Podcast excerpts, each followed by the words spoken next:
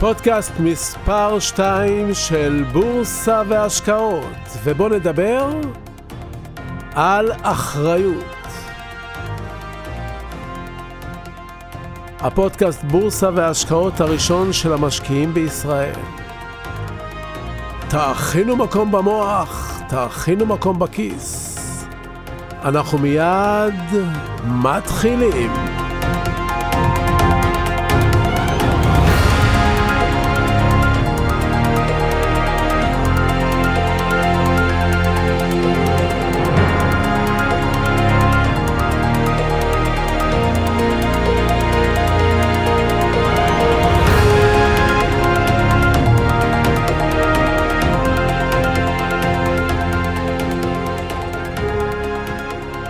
השעה הייתה תשע בערב. הטלפון בביתי צלצל. אני מרים את השפורפרת, שקט. הלו? אני אומר, וקול מהוסס שואל מהצד השני, הגעתי לצביקה ברגמן?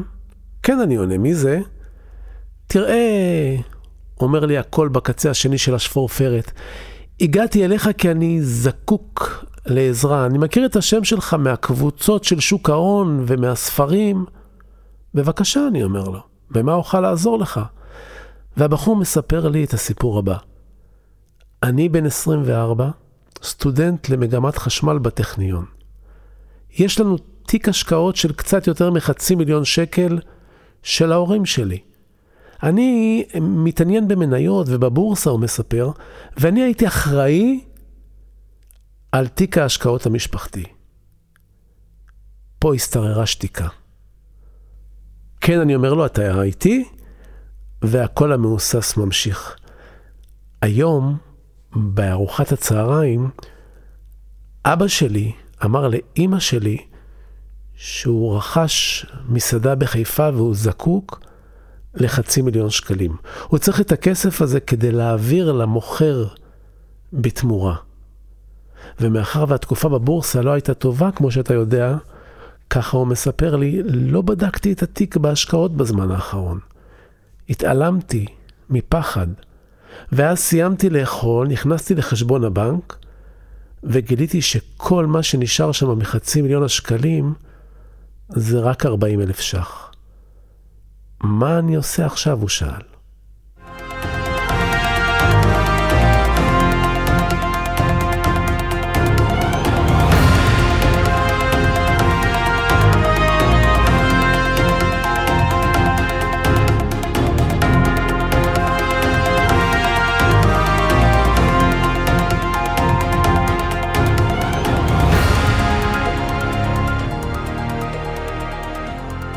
שלום וברוכים הבאים לפודקאסט בורסה והשקעות הראשון בישראל.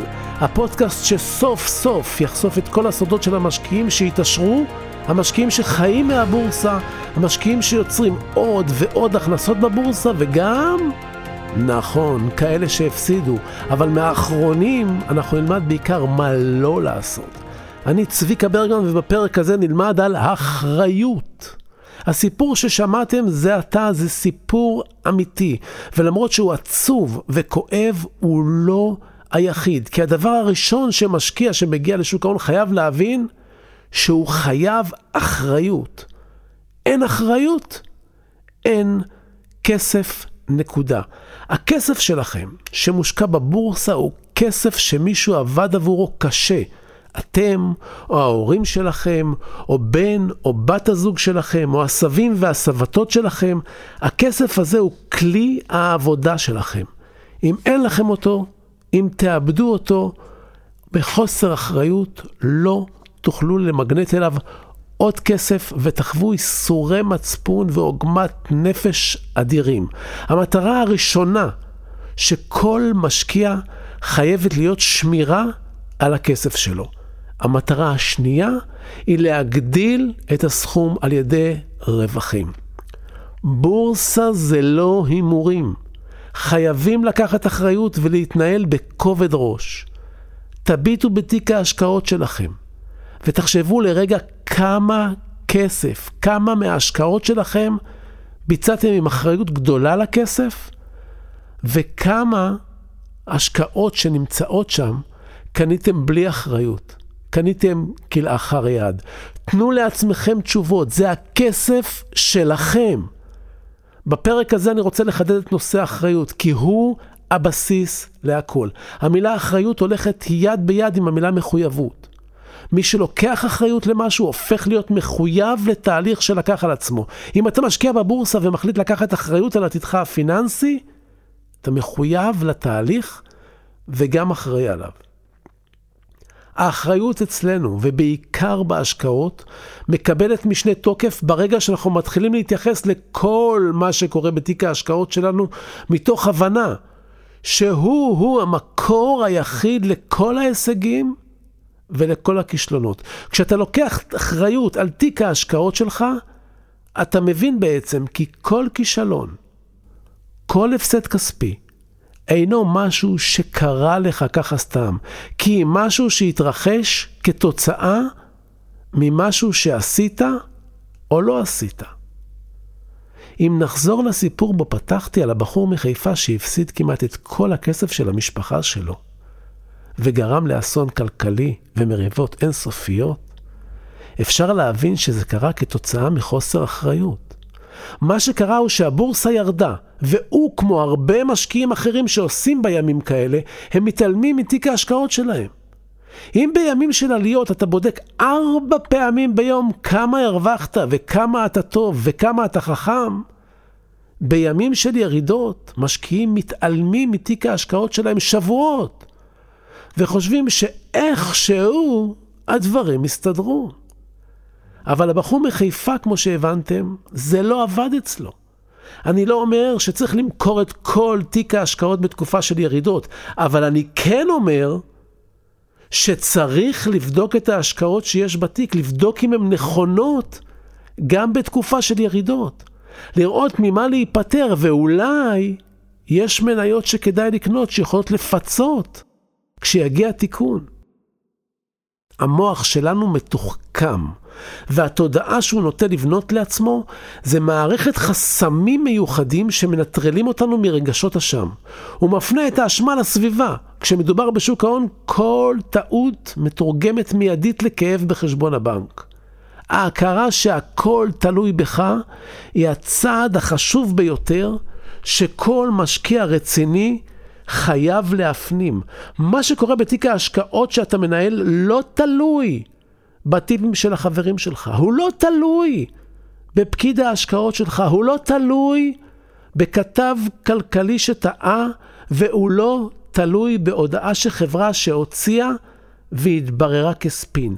הכל תלוי בך. זה הכסף שלך, וזו רק האחריות שלך. כדי להתחיל לעבוד בצורה מקצועית, אתה חייב לקחת שליטה מלאה על תיק ההשקעות שלך. תסלח לכל מי שהטעה אותך בעבר. תסלח לכל מי שנתן לך טיפים גרועים, תסלח גם לעצמך. אין יותר אשמים. מעתה ואילך, אתה האחראי היחיד. אתה מפסיק לעצום עיניים, אתה מפסיק להתעלם, אתה מפסיק להתכחש ולרמות את עצמך, ואתה מטפל בכל בעיה שעולה וצפה בתיק ההשקעות שלך. זה לא פשוט, זה לא קל, כי מדובר ברגשות, אבל זה אפשרי. על הרגשות של המשקיע אנחנו עוד נדבר בפודקאסטים הבאים. אבל מה שכדאי שתעשה היום, בתום ההאזנה לפודקאסט הזה, זה לגשת לתיק ההשקעות שלך. להביט בו מנקודת מבט חדשה ואחראית. אם יש שם טעויות, הן שלך. תראה מה אתה יכול לעשות, תראה מה אתה צריך לעשות, ותטפל בהם. כי מעכשיו זו האחריות שלך.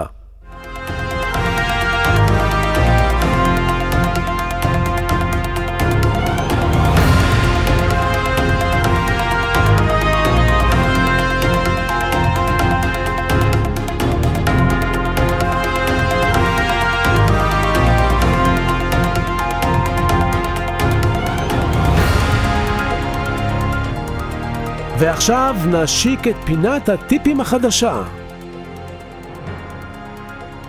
טוב, אז אני שמח לפתוח פה את פינת הטיפים למשקיעים, ובכל שבוע אני אתן לכם טיפים חשובים שיעזרו לכם להיות משקיעים טובים יותר ורווחיים יותר. בסופו של דבר, אנחנו רוצים להרוויח כסף. וכאשר תדעו לעשות את זה עם 5,000 שקלים, תוכלו לעשות את זה עם 10,000 שקלים וככה הלאה, וגם עם מיליון שקלים. ככל שהסכומים יגדלו, ככה הרווחים שלכם יגדלו. הטיפ שלי להיום הוא תמיד, תמיד להשקיע בשוק ההון כספים שהם שלכם ושאתם לא צריכים בזמן הקרוב. תמיד תעבדו רק עם כסף שלכם פנוי. בניגוד להשקעות בנדל"ן, ששם מקובל לבצע השקעות על ידי נטילת הלוואות, מינופים, וזה נכון לעשות את זה, בשוק ההון ובבורסה, אם תשקיעו בכסף שלוויתם, או בכסף שאתם זקוקים לו בעוד חודש או חצי שנה, זאת סכנת מוות פיננסית לא פחות. כשהייתי חייל, השקעתי בבורסה. בימים ההם הבורסה רתחה, וכל הנפקה קיבלה ביקוש של פי אלף. כלומר, אם רציתי לקנות מניות בחברה מסוימת בסכום של אלף שקלים, הייתי צריך להזמין בהנפקה סכום של מיליון שקלים. כי ידעתי שנקבל רק פרומיל.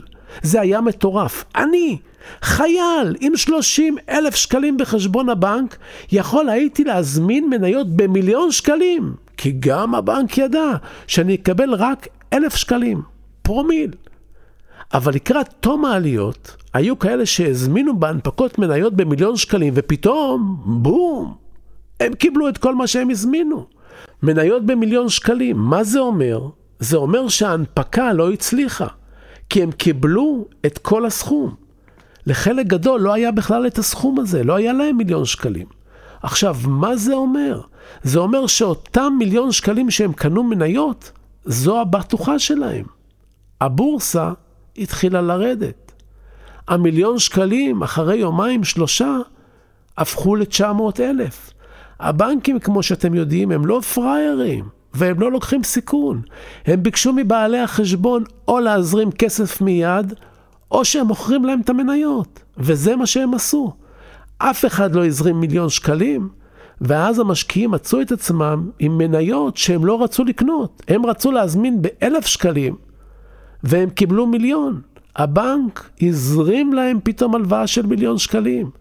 ואז המניות ירדו ל-900 אלף ש"ח, הבנק מכר להם את המניות והם נשארו בחוב של 100 אלף שקל. הבנק ביקש הכל עד הפרוטה האחרונה.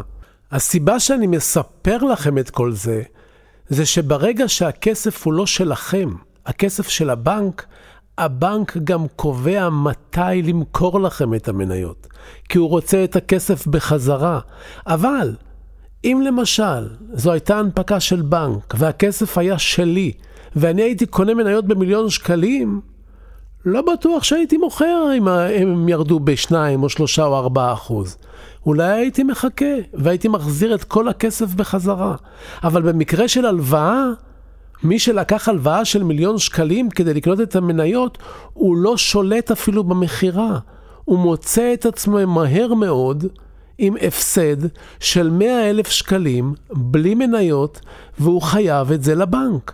כשאתה משקיע בכסף שהוא שלך, אתה שולט מתי למכור, מתי לקנות. כשאתה משתמש בכסף של אחרים, נלקחת ממך האפשרות לקבל את ההחלטה הזאת.